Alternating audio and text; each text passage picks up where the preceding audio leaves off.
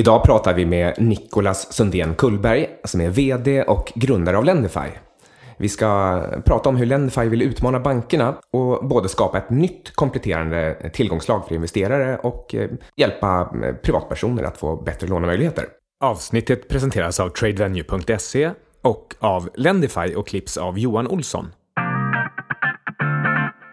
Nicolas, du har läst på Handelshögskolan, jobbat på Sandvik och Morgan Stanley. Varför lämnade du Morgan Stanley för att starta Lendify? Till att börja med vill jag säga att Morgan Stanley tror jag är den bästa skolan för ett, ett professionellt arbetsliv. Du lär dig jobba effektivt, professionellt, med kvalitet och med, med en bra integritet och respekt för dina medarbetare. Men jag kände att jag ville vara med och bygga någonting från grunden. Jag har blivit inspirerad av bolag som Spotify, Klarna, Skype med flera som har startats i Sverige. Jag lämnade Morgan Stanley med siktet på att hitta en person som kunde teknik. Och sen så tänkte jag att vi tillsammans skulle kunna bygga ett stort bolag tillsammans. Så jag såg framför mig att det skulle vara en teknikperson som hade en idé redan på pappret och som redan kanske hade dragit igång och hållit på ett tag men behövde en person som kunde komma in och professionalisera, strukturera upp och sen kommunicera idén till omvärlden. Jag hade en jäkla tur. Samma dag som jag slutade på Morgan Science så träffade jag en en eh, person som var vd på ett annat eh, litet, litet startupbolag. Och han frågade mig vad jag ville göra. Jag berättade om det här att jag ville hitta en techperson som precis hade kommit igång med en bra idé. Varpå han refererade mig då till eh, John Christian som hade grundat Lendify bara två veckor tidigare. Och då tog jag kontakt med honom, vi tog en kaffe dagen efter och två veckor senare så var vi igång. Vad gjorde du på Morgan Stanley? Eh, Morgan Stanley, jag var analytiker på investment banking. Så att jag jobbade med kapitalanskaffningstransaktioner och eh, ma transaktioner Hur såg tankeverksamheten ut innan du fattade beslutet att eh, hoppa därifrån och starta din egen grej? Jag hade mycket väl kunnat stanna kvar längre på, på Morgan Stanley för jag trivdes bra där. Det var en fantastiskt cool miljö att vara i. Men eftersom att jag ändå visste att jag skulle hoppa av någon gång så tänkte jag att det är lika bra att hoppa av nu och börja bygga. Så att beslutet var inte särskilt svårt. Även om man när man är i den, den arbetsmiljön som det är i investment banking så är det lätt att tänka sig att eh, världen utanför här är inte lika värdefull. då. jag kommer att liksom, förlorar alla karriärmöjligheter om jag inte är kvar här och så vidare. Men man blir mycket mer klarsynt när man väl har kommit ut och ser, får ett bättre perspektiv. När du kontaktade John Christian, hur långt hade ni kommit? Eller hur långt hade han kommit? Om man tittar på eh, de fem största bolagen i Storbritannien så har man lånat ut någonstans 5, 6, 7 miljarder pund. Och det i sig motsvarar då typ 3-4% av hela marknaden. Ehm, och så att han hade sett de här bolagen och insåg att i Sverige finns det bra förutsättningar bättre förutsättningar än vad det gör i andra länder därför att du har ett transparent skattesystem. Det finns eh, lättillgänglig och högkvalitativ data som, kan du som du kan föda in i kreditmodellen. Det finns en tydlig reglering idag med ett eh, tydligt tillståndskrav. Det finns en överlönsamhet hos bankerna, inte minst i det här segmentet med blankolån till kreditvärdiga privatpersoner. Det finns digitala lösningar som är som vi här i Sverige tar för givet, typ bank-id. Eh, och det i sig skapar ju förutsättningar för att bygga någonting som utmanar bankerna. Sen finns det många sätt som bankerna har byggt upp vallar för att göra det svårt för nya bolag att komma in. Och ett exempel på det är kreditregistret som UC har byggt upp och UC ägs ju av eh, bankerna. Det är ett register som alla banker rapporterar in sina kunders skulder. Om någon lånar pengar hos en bank så vet den banken vad kunden har för eh, lån hos en annan bank. Och det såklart skyddar ju kunden från att eh, bli överbelånad och banken från kreditförluster. Lendify som eh, betalningsinstitut fick inte tillgång till det här kreditregistret på grund av att vi inte var borgenär eftersom att det inte är vår balansräkning som står för krediterna. Eller vid tillfället så var det bara peer-to-peer finansiärer som stod som borgenärer för lånen. På grund av den teknikaliteten så fick inte vi bli insläppta i registret och det skadar ju både låntagarna för att vi vet inte vad de har för andra skulder, kan inte göra en tillräckligt bra kreditbedömning och det skadar på sikt investerarna för att de exponeras mot för stor risk. Men då gick vi till UC, fick de efter mycket om och men att uppdatera allmänna villkor. Vilket gjorde att bolag som Lendify och andra eh, peer-to-peer-plattformar får inkluderas i kreditregistret. Och de, det här var liksom 206 parter, alltså banker, kreditmarknadsbolag och andra bolag, tvungna att signera. Det här var en ganska lång process för oss, men när vi väl var inne då tyckte vi att då hade rationalen vunnit över byråkratin. Hur såg det ut när, ni, sen, när, det, när det började dra igång? Liksom? Hur såg första, kanske första året inom uppbyggnaden ut? Mm. Så när jag kom in då efter två veckor i bolagets historia och nu är vi i april 2014.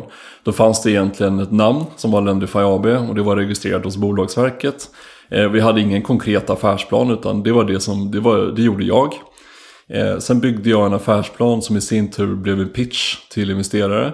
Och när jag byggde den här, eller skrev ihop den här affärsplanen som bestod i en powerpoint på 50 sidor. Så gjorde vi också en, en budget i Excel. Och när vi gjorde de här två sakerna så insåg vi att vi eh, har ju faktiskt ingenting i verkligheten. Men vi kommer behöva en kreditbedömningsprocess. Vi kommer behöva en marknadsföringsprocess mot låntagare och mot investerare. Och investerarna vi kallar de som lånar ut pengar via Lendify för investerare. Vi kommer behöva en IT-plattform såklart eftersom att produkten och servicen är 100% online. Vi har inga fysiska kundkontor på det sättet alls. Vi behövde en legal struktur, vi behövde villkor och avtal. Vi behöver en liten finansavdelning som sköter eh, sköter finanserna helt enkelt. Och allt det här ska bindas samman. Så att det var ju ett enormt jobb att göra. Eh, vi har jobbat med Vinge sedan dag ett. Så att de har egentligen satt upp hela den legala strukturen i Lendify AB från, eh, från dag ett. Och koden den står José Cartro för som är den tredje medgrundaren. Och idag är vår CTO. Eh, och han hade erfarenhet som systemarkitekt från en av våra konkurrenter, Nordax. Innan vi går vidare och pratar om vad Lendify egentligen gör, har det varit någon större utmaning? Den största utmaningen för oss är, har varit att få in tillräckligt med kapital att låna ut vi insåg under hösten 2016, då vi fortfarande bara hade peer-to-peer-benet att stå upp för, det vill säga privatpersoner som har direkt exponering mot krediterna, att vi nu var redo rent strukturellt i bolaget att eh, kunna växla upp och göra större lånevolymer, men vi hade inte tillräckligt mycket peer-to-peer-kapital. Jo, och då landade vi att vi, eh, vi borde göra en obligation och lista den. Därför att det finns institutionella investerare som har investerat i det här tillgångslaget via obligationer till nischbankerna. Till exempel Nordax, Resurs, Collector. Och det här har de gjort under de senaste 5-10 åren. Så att de känner till tillgångslaget, vet avkastningen, vet riskerna. Vi helt enkelt eh, approcherade dem och det, det slutade med att vi gjorde vår första obligationsemission i maj i år på 200 miljoner. Obligationen kan man se som ett verktyg för institutioner att investera i lån via Lendify, via Lendifys plattform. Och det i sig bygger ju förtroende för eh, hela plattformen och det gör att privatpersoner som går in och lånar ut direkt via plattformen förstår att det här är eh, låg risk. Det är en bra riskjusterad avkastning. Om vi sen går vidare till verksamheten.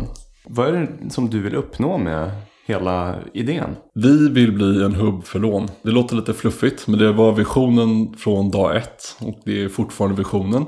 Och vad det innebär är att vi ska vara ett effektivt verktyg för att göra in och utlåning. Banker, eller bank, är ett verktyg för att göra in och utlåning. Kreditmarknadsbolag är detsamma. Och vi är ett nytt typ av verktyg som är mycket mer effektivt. Det vill säga vi har lägre kostnader i relation till den lånestocken som, som vi har. Vi ska ha många typer av låneprodukter. Så idag har vi bara en låneprodukt och vi ska bredda det. På investerarsidan kommer det göra det möjligt för många typer av investerare att få exponering mot lånen som vi erbjuder via Lendify. Eh, I dagsläget så är det bara så att säga, möjligt för två typer av investerare. Det är institutioner via, via obligationer och det är privatpersoner via den tekniska plattformen. Och så pratar du om eh, att ni vill kunna erbjuda flera olika typer av lån. Vilken typ av lån pratar vi om då och vilka lån erbjuder ni idag? Vi erbjuder lån till, äh, blankolån till kreditvärdiga privatpersoner. Den stocken som idag finns i Sverige är ungefär 200 miljarder. Den hålls idag till 65% av storbankerna och 35% av nischbankerna. Och det är egentligen den marknaden som vi angriper nu till att börja med. Men vår ambition är att gå in i andra typer av lån och det som ligger närmst till hands därför att det är den största marknaden, det är bolån. Så att totala lånemarknaden i Sverige är 4 000 miljarder. Vi är i dagsläget inne i ett litet, litet segment som är Eh, 6% av de 4 000 miljarderna, det vill säga 200 miljarder ungefär. Tidigare berättades att det finns bra förutsättningar i Sverige att bygga en bankutmanare med tydlig reglering, överlönsamhet och så vidare. Många eh, digitala lösningar som gör det lätt att automatisera många delar i flödet. Det är mest sant för det space som vi är inne i just nu, det vill säga blankolån.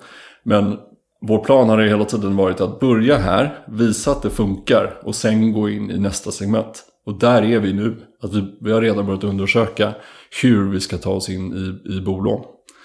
Det är då på något sätt vi börjar utmana banksystemet på riktigt. Vad skulle du ge för tips till antingen någon som pluggar just nu eller någon som är nyexad när det kommer till att lyckas inom finansmarknaden? Det har blivit mer och mer populärt att gå från universitetet direkt in i startups. Ja. Att just nu är mixen från Handelshögskolan typ 30-30-30. Att du går investment banking, du går management consult och du går till startups. Och så en liten klick går till industrin. Men för bara 10 år sedan, 5-10 år sedan så var det i princip 50-50 management consult investment bank. Så trenden går definitivt mot att man går direkt till startups. Eh, men jag tror att man ska inte underskatta vikten eller hur bra det är att gå till någon av de här stora etablerade konsultbolagen eller investmentbanken. Därför att du lär dig ett arbetssätt som blir ett verktyg som du kan ha med dig i hela livet. Eh, så att jag, jag tyckte det var skitjobbigt att jobba på Morgan Stanley. Men det var också den mest utvecklande tiden i mitt liv. Och vad jag lärde mig där det var att samla in mycket data och aggregera det till någonting som var förståeligt för en andra part. Jag lärde mig eh, skriva skriva e-mails effektivt, komma i tid, vara tydlig när jag pratar, när jag skriver och driva processer effektivt. Om du inte har det i ryggmärgen innan du börjar jobba eh, så se till att skaffa dig den, eh, det verktyget genom att jobba på ett bra storbolag. Vad är det som ska hända nu på bankmarknaden egentligen? Hur ska den se ut efter att ni har möblerat om? Det kommer vara så här. Privatpersoner kommer kunna få direkt exponering mot alla typer av lån som finns. Vilket betyder att man går från en miljö där framförallt bankerna idag kör blackbox och garanterar till att man är fullkomligt transparent och informerar och inte garanterar. Eh, Det är det som vi vill uppnå. Eh, Vi tror att det kommer ta 10-15 år eh, minst innan vi har uppnått det i Sverige. Man får frihet under ansvar. Jag som investerare, jag lånar ut till någon ungefär som om jag lånar ut direkt till en kompis. Då vet jag ju på något sätt precis risken. Men jag får också hela vinsten om jag väljer att ta en ränta. Precis. Och tror du att det här kommer, att ni kommer smitta bankerna så att de också kommer tvingas göra så? Ja, det tror jag. Men jag tror att vi, vi är bättre positionerade för att lyckas. Eftersom att vi redan har kommit igång. Ä- Även om man, det är frihet under ansvar. Så är det fortfarande Lendifys ansvar att kreditbedöma. Att ordna med avtal, betalningar, kundservice, förinkasso och inkasso, kontrollfunktioner som risk, compliance och regelefterlevnad. Man ska se oss som bolag som levererar en service, det vill säga plattformen som gör det möjligt för mig att få exponering. Men det är jag som tar risken. Precis, ni gör ju också att man vet vem det är man lånar ut till. Om jag säger att jag lånar ut till en kompis och att jag tror att jag vet vad risken är, det gör jag ju egentligen inte. För jag kollar inte upp om han har C, D eller E i kreditscore. Men sen en annan sak, jag har investerat själv i plattformen så att jag, jag förstår att det här är någonting man kan använda som komplement i en investeringsportfölj. Men de allra flesta, de tänker bara på investeringar som aktier. Hur hur ska ni liksom vrida om folk till att förstå att man kan investera i lån också? Jag tror till att börja med så ska man vända på det och inte se, eh, se det som ett alternativ till att investera i aktier. Utan det här är ett alternativ till att spara pengar på banken, på ett bankkonto. Det är ett sparkonto på en bank, fast du tar risken själv. Du får högre avkastning, men du bär också risken. Förresten, vad betyder de här kreditscoren? Om det är 100 personer som söker lån hos Lendify så är det i snitt 10 av dem som blir godkända. Så 90% får avslag på sin ansökan. Av de här 10 då som blir godkända så fördelas de på sex olika kreditklasser. Där A är den bästa och F är den sämsta. Men ändå den som får F och den högsta räntan är ändå en person som är bland de 10 bästa procenten av de som har sökt. Ja, Det är ju väldigt rigorösa krav ändå, 90 procent där. Det är mer än man kan tro. Vad kan, om jag investerar pengar här, vad kan, man då, vad kan jag förvänta mig för avkastning ungefär? Eh, mellan 5 och 6 procent. Det beror på vilken löptid du väljer att eh, investera dina pengar på. Generellt sett så är det att ju längre löptid du eh, investerar på, ju högre avkastning får du. Där vill jag också lägga till att en av de största flaskhalsarna för Lendify att attrahera peer-to-peer kapital har varit illikviditeten. Det vill säga det är 100% matchning mellan kapitalet och låntagarna. Så att om en låntagare lånar på löptid 7 år till exempel. Då är investerarna som som har investerat i det lånet uppbundna på sju år. Det är ju en tröskel för många människor även om man tycker att man får en bra riskjusterad avkastning. Lösningen på det här är att lansera en andrahandsmarknad så att man helt enkelt kan sälja sina lån som man har investerat i till en annan person. Och det lanserade vi för nu tre veckor sedan ungefär. Och vi har sett att inflödet har mer än fördubblats på daglig basis sen vi lanserade den. Uppenbarligen så har vi tänkt lite rätt här i alla fall. Okej, så ni har fått in fler investerare, fler som är villiga att låna ut? Ja. För att de inser att jag behöver inte vara bunden i sju, åtta år. Ja. Jag var inne på den här andrahandsmarknaden. Är det så att man, man bara kan se de som vill sälja? Man kan inte här, lägga bud och så kan man se vilka som köper? Jag såg bara ena sidan av marknaden. Mm, det stämmer att det är så idag. Du kan bara se de som eh, ligger ute till försäljning så att säga. Som det såg ut nu, då var priserna 100 till 102 procent. Det vill säga, det knappast någon som har panik som säljer. Ja, det är också så att eh, de som ligger där just nu, jag tror det ligger ett 50-tal eh, portföljer till, till försäljning i dagsläget. Och de som ligger där har, precis som du säger, en prissättning på mellan 100 och 102. Det betyder, men det, det, betyder att, det betyder inte att det inte är några med lägre prissättning som har funnits där. Det är helt enkelt så att de har blivit sålda. Snittpriset som portföljerna har sålts på är 99,85% senast eh, i morse. Totalt sett under de första två veckorna så var det 307 portföljer som eh, såldes. Har du haft någon särskild idol inom antingen finansbranschen eller som har inspirerat dig som en slags entreprenör att starta det här? Är det någon slags förebild som har hjälpt till där? Nej, eh, jag har ingen. Alltså jag, jag ser upp till många personer och har respekt för många. Men det är ingen så specifik person som jag har haft i åtanke eller som har inspirerat mig att göra det jag gör idag. Men jag vill att Lendify ska vara ett bolag som står för integritet och transparens och kvalitet. Och det är allt ifrån när vi pratar med viktiga stora investerare till när vi pratar med varandra i kreditrummet bland kredithandläggarna eller hos IT-utvecklarna. Det ska vara respekt i allting vi gör. Och det tror jag över tid kommer att eh, bygga stora värden hos oss. Nu har jag lite egenintresse så jag vill gå tillbaka till det här med kreditriskerna. Min autolånportfölj, jag har en 10-årsportfölj. Eh, I den så står det målavkastningen eh, är 8%. Så jag har en, liksom en, en mix av lån. Jag har 60 lån i min portfölj. Eh, hur kan det finnas en citat kreditvärdig vuxen person som lånar till 8, 10, 12% på 10 år? Och om den här personen, låt oss säga, för på de här räntorna, då pratar vi ofta om E och F. Vad säger statistiken? Hur, hur mycket får jag tillbaka från den här F-kunden? Just det, och de 8 procenten kan vi bara förtydliga. Det är efter eh, våra avgifter och efter kreditförluster. Det finns ju ungefär 500 000 svenskar som har blankolån i Sverige. På stocken som är 200 miljarder så är snitträntan lite över 10 procent. Det här beror på att personer som har bra hushållsekonomi hos oss i kunden har i snitt eh, årsinkomst på 400 000. Eh, gift eller sambo, äger sin bostad i 60 procent av fallen, har två barn, ofta två bilar och liksom stabil hushållsekonomi. Men de bor utanför storstäderna i stor utsträckning. De har hus eller lägenheter som har ett marknadsvärde som är väsentligt lägre än i storstäderna. I typfallet kan man säga att huset är värt någonstans runt en och en halv miljon. Och man har redan belånat huset till ganska stor grad. Så att när du behöver låna ytterligare 350 eller 400 000 för att till exempel renovera kök, badrum och bygga en veranda kanske. Så kan du inte gå till din bank där du har bolånet och låna ytterligare pengar på huset. Utan du behöver helt enkelt låna blanko. Där är Lendify ofta ett eh, väldigt attraktivt eh, alternativ. Och då går kunden in på Lendify, ansöker han om lån och så i- hittar era algoritmer hans kreditscore hos, eh, hos UC och så får han ett F. Eh, Så får han låna 10 års löptid på 12,5 procent. Sen så fördelas den ut på kanske 10 investerare. Så Precis, faktiskt så är, i snitt så är det ungefär 100 investerare per lån. Så att snittlånet är 120 000 och eh, det är då i snitt 100 personer som har satt in 1200 kronor vardera. Och då har han då i praktiken lånat 1200 av mig eh, och räntan är 10-12 procent. Hur bra kommer han vara på att betala tillbaka i snitt? Hur bra är en F-kund på att betala tillbaka?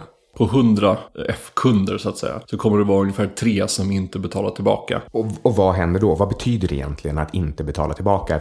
Ja, men eh, det är nettot som försvinner i slutändan. Ehm, och processen där är så att om en kund missar en avi, då har vi en intern förinkassoprocess på Lendify som är ganska branschstandard skulle jag säga om man tittar på hur bankerna gör. Då har vi 120 dagars process där vi i olika omgångar skickar påminnelser via sms, e-mail och telefonsamtal och påminnelseavier fysiskt hem till brevlådan och försöker få kunden att betala. Om kunden inte har betalt efter 120 dagar, då skickar vi ärendet till vår inkassopartner som är Lindorf i dagsläget. De tar ytterligare några vändor för att försöka få kunden att betala. Och den här, de här vändorna tar mellan 3 och 4 veckor. Eh, om kunden fortfarande inte har betalat efter att Lindorf har gjort sin insats så skickas kunden till Kronofogden. Och då får eh, Kronofogden eh, försöka driva in skulden. Jag kan säga i snitt för alla lån på Lendify så skickar vi 2,5% till Lindorf. Det vill säga vi har 2,5% av kunderna som inte har betalt efter 120 dagar. Och recovering på de 2,5% är minst 60%. Det gör att vi landar på nettokreditförluster mellan 1 och 1,5%. Och Lendify har än så länge lånat ut cirka en halv miljard. Vad tror du händer 2018-2019? Hur mycket lånar ni ut? Ehm, vi har ett mål att nå en stock i 2020, alltså i slutet på 2020 på 8 miljarder. Och under 2018 så ska vi ha nyutlåning på 1,5 miljard. Det ska jämföras då med 2016 som var ungefär 40 miljoner. Eh, 2017 som kommer landa någonstans runt 650 miljoner. Och, eh, och upp 2018 blir det då 1,5 miljard. Men eh, om ni redan har en, en takt på 60-70 eh, miljoner? Jag tror det är viktigt att vara försiktig. Sen, eh, sen är det möjligt att vi växer mer än så. Men vi, vi får aldrig, aldrig, aldrig tumma på kvaliteten i kreditbedömningen. Och flaskhalsarna här, det är ju då framför allt investerare. Alltså folk som stoppar in sina pengar på ett konto och får dem utlånade. Hur gör man i praktiken? Jag vill skaffa ett sånt här konto och börja låna ut pengar. Hur, hur svårt är det? Hur, eh, vad gör jag? Du går in på lendify.se. Du klickar på knappen där det står jag vill investera och du identifierar dig med mobilt BankID. Fyller i eh, ett femtontal frågor om kundkännedom och eh, antipenningtvätt. Om systemet godkänner dig så har du ditt konto klart inom tre minuter ungefär. Sen behöver du sätta in pengar för att eh, investera såklart. Och då kan du välja det som de allra flesta gör och göra en direktbetalning via Trustly så att du får pengarna på kontot inom några sekunder. Eller så gör du en vanlig BG-överföring och då får du vänta till dagen efter. Vad är steg två? För att det ska hända något med dem? Då har du helt enkelt eh, de pengarna som en pott som du kan allokera till lån. Eh, väljer du manuell så väljer du helt själv vilka lån du vill investera i. Eh, väljer du auto så får du hjälp av vårt system att eh, allokera pengarna i minst 30 olika lån. Och i dagsläget så tar det mellan en och två veckor innan alla pengar har allokerats ut till minst 30 olika lån. Vi har en kreditförlustfond. Om man har ett autoinvestkonto så är det nominella beloppet som man har satt in eh, skyddat av den här kreditförlustfonden. Om du har, säg 100 lån i din portfölj och det är en av låntagarna som är sena med en betalning. Då går kreditförlustfonden in och täcker upp temporärt det nominella beloppet av den betalningen. Tills den riktiga betalningen kommer in. Och då backas pengarna tillbaka till kreditförlustfonden och investeraren ser hela återbetalningen från låntagaren på sitt konto. Hur skulle du enklast förklara hur många olika liksom, pusselbitar ni satt ihop för att skapa hela Lendify? Kreditmodellen, det är IT-systemet, det är marknadsföring mot både låntagare och investerare. Och det är finansfunktionen och det är all den, eller hela den legala strukturen. Och sen min uppgift eh, är egentligen att se till så att hela det här maskineriet fungerar tillsammans. Jag tror en av våra största fördelar på Lendify jämfört med många av bankerna är att vi har ett bra samspel mellan marknad, kredit och IT. Därför att marknad som anskaffar in kunderna, de måste förstå vilka av kunderna som vi anskaffar är det som kommer att gå igenom kreditmodellsfiltret. Eh, kreditavdelningen gör löpande förändringar för att förbättra flödet och göra det så enkelt som möjligt för låntagaren att söka lån och få det utbetalt. Och när de vill göra ändringar så måste de vara väldigt duktiga på att kommunicera och kravställa IT som gör de faktiska förändringarna i systemet. Och sen så gör man itereringar på det här löpande hela tiden. Jag tror många som är intresserade av att starta ett eget finansföretag en vacker dag kommer ha mycket nytta av det. Vi vill hjälpa låntagare, eller egentligen svenska hushåll, att gå från att vara typiska låntagare till att vara typiska sparkunder eller investerare som vi kallar det i Lendify. Låntagare som sköter sig och betalar sina avier prickfritt i x antal månader i sträck börjar efter ett tag ha samlat på sig tillräckligt mycket poäng hos Lendify för att få en ränterabatt. Så till exempel, sköter du i 12 månader i sträck så får du 25 punkter bättre ränta. Sköter du ytterligare 12 månader i sträck så får du ännu lite bättre ränta. Så så fortsätter det här för oss. Mot slutet på lånets löptid, som då i snitt är 7 år, så får du inte en räntarabatt utan du får istället pengar insatta på ett investerarkonto. Det gör att man har gått från att vara ett hushåll som alltid tänker att nu ska jag låna därför att jag ska bygga om verandan och renovera mitt kök. Till att ställa om helt och hållet mot att tänka nu ska jag spara så att jag kan göra det här i framtiden. Och det är jätteviktigt för oss som bolag att vi ska uppmuntra ett bra beteende och ställa om hur svenska hushåll tänker. Då är, då är vi klara. Ja, ja, tack så mycket. Tack så mycket.